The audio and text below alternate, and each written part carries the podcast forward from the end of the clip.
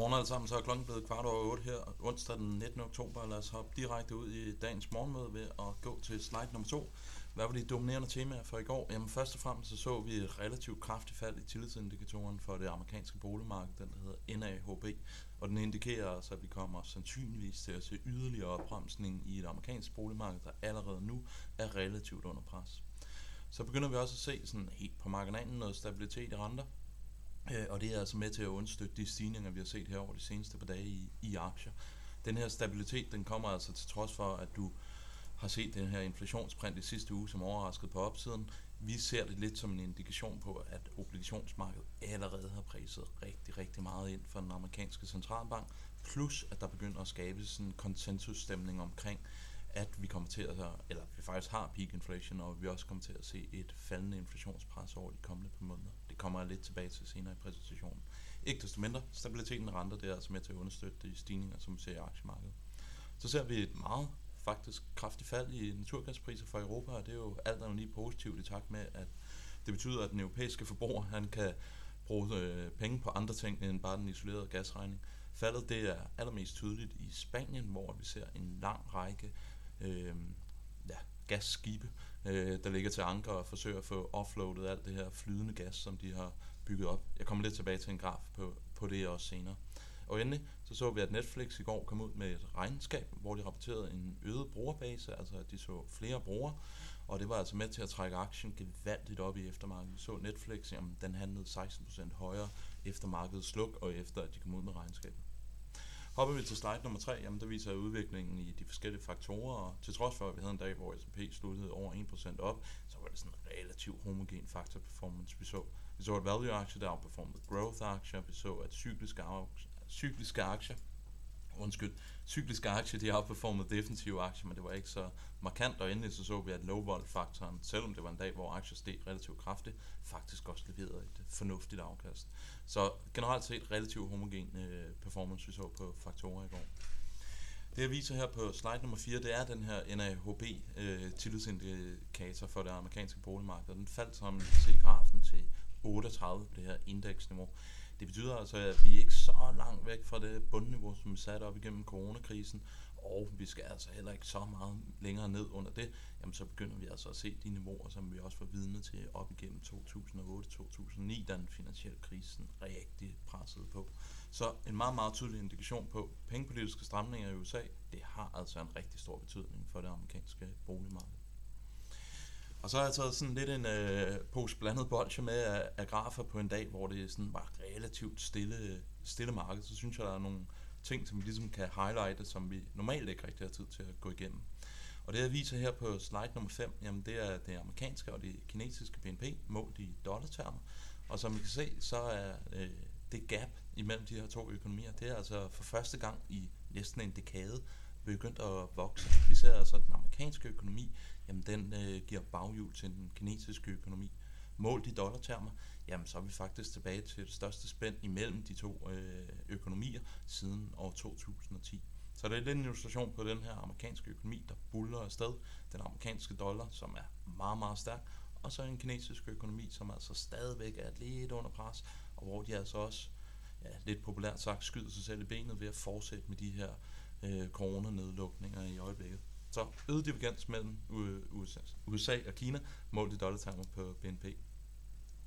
Hvis vi ser på inflationsbilledet fra Europa, så synes jeg også, det er værd at bemærke, at vi ser os faktisk ret heterogent billede på tværs af, af de forskellige lande i Europa. Vi ser at Holland, jamen de leder med en årlig inflationsrate på næsten 15 procent. Samtidig med det, jamen, så har vi en fransk inflationsrate, der bare ligger på 5,55. Så det er altså et ret stort spænd, som vi ser i, hvordan inflationen spiller ud på tværs af Europa. Det leder os også til, hvis vi er op til slide nummer 7, at inflationsforventningerne på tværs af Europa, de er også relativt divergerende. Vi ser Frankrig, som sagt, det ligger i bunden, men det her det er inflationen over de næste tre år. Mål for forbrugeren, skal jeg lige skynde mig at sige. Jamen, der ligger den på 2,5, og det synes jeg sådan relativt in line med det, øh, med det, som ECB ønsker at se. Omvendt så ser du så i Holland og Italien, jamen, der ligger inflationsforventninger på 3,2. Nu er det jo ikke fordi, at vi snakker så meget omkring hele det her øh, udfordring, skulle jeg til at sige, med et lidt smil på læben omkring øh, hele Eurozone-projektet, hvor du fører øh, homogen pengepolitik, men heterogen finanspolitik, men begynder du at se en øget divergens i inflationsforventninger på tværs af landet, og du har de her lidt mere højre nationale øh, regeringer, der kommer ind, eksempelvis i Kina, eller ikke i Kina, men i Italien, jamen øh, så begynder du altså sandsynligvis også at kunne se noget øget udfordring og noget øget stress på hele eurozone-samarbejdet. Igen, det er ikke de her tal, der kommer til at afgøre det, men det er bare en illustration af, at Europa, det er altså et meget, meget heterogent univers. Øh, og det er nogle meget forskellige syn på verden, som den franske og eksempelvis den italienske og hollandske forbruger har det. Så skal vi heller ikke glemme, at der er midtvejsvalg i USA her den 8. november. Øh, hvis vi går ind og ser på øh, House of Representatives, jamen, så virker det til, at republikanerne de kommer til at vinde. De ligger med ja, en sandsynlighed, der svinger mellem 86% og 73% for, at de kommer til at vinde. Ser vi på senatet, jamen der ligger markederne altså og forventer, at det bliver demokraterne, der vinder. Så det ser ud til, at vi kommer til at have en splittet kongres her gående ind i anden halvleg af Bidens præsidentperiode. Så en lidt sjov øh, graf, hvis vi skal fokusere på vores norske naboer, jamen det er, hvor man går ind og ser på den norske regering, og hvor meget indtægter har de fra olie- og gasindustrien i øjeblikket, og som vi kan se, jamen, så ligger de altså har 23% indtjening øh, fra olie- og gasindustrien øh, målt i forhold til det norske BNP. Og det betyder altså også, at vi ser nogle, det er den øverste graf, nogle ekstremt store indbetalinger i øjeblikket til den øh, norske oliefond. Så det kan godt være, at resten af Europa vi er under pres, fordi gaspriser og oliepriser det fortsætter op, og strømpriser også er meget, meget høje, men øh, Norge i hvert fald, jamen de, øh, de reap the benefits af det her markedsmiljø, som vi ser i øjeblikket.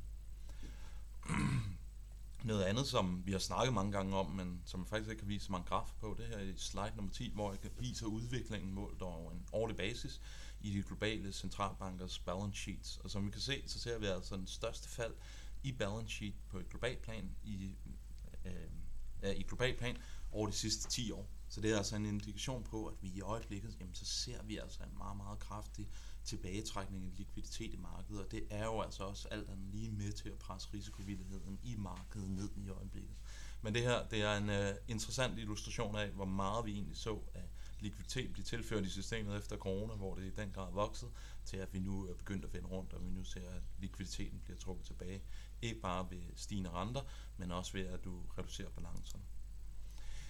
Så har jeg taget prisningen med for ISB, for Fed og Bank of England, og efter det her seneste tumult, som vi har set i, øh, Bank, eller i England, jamen, så ligger markedet nu faktisk priser, at Bank of England de kommer til at have en højere styringsrente ultimo 2024, end hvad Fed skal have, og også markant højere end det, som vi ser for Europa.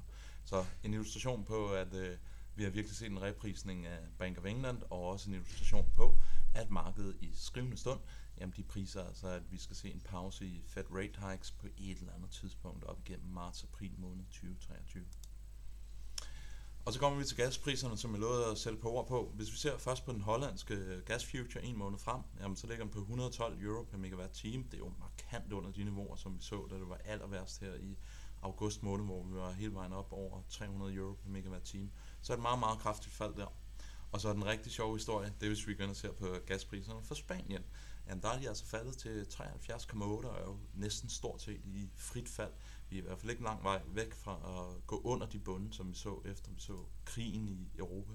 Og grunden til det, jamen det er, at vi har rigtig, rigtig mange skibe, som ligger til anker ud for den spanske kyst. Og husk på, at Spanien det er faktisk sådan, det land, som har de fleste LNG-terminaler, altså terminaler, som er i stand til at tage det her flydende gas og konvertere det til ja, øh, rigtig gas, skulle jeg til at sige. Og det ligger altså og presser priserne for gasudvindingen i, i Spanien rigtig, rigtig meget ned. Så i hvert fald, så er det altså lidt på marginalen, selvom det har de her udfordringer med at få gassen og skibene, så er det altså positivt, at vi ser det her relativt kraftige fald i, i gaspriser i øjeblikket. Og det er jo altså også en illustration af, at når USA sætter sig noget for, som eksempelvis at gå ind og dække noget af det europæiske gas, øh, underskud, som vi har haft her over de seneste par måneder, jamen så betyder det altså noget på, på priserne. For mange af de her gasskib, jamen det kom netop fra USA.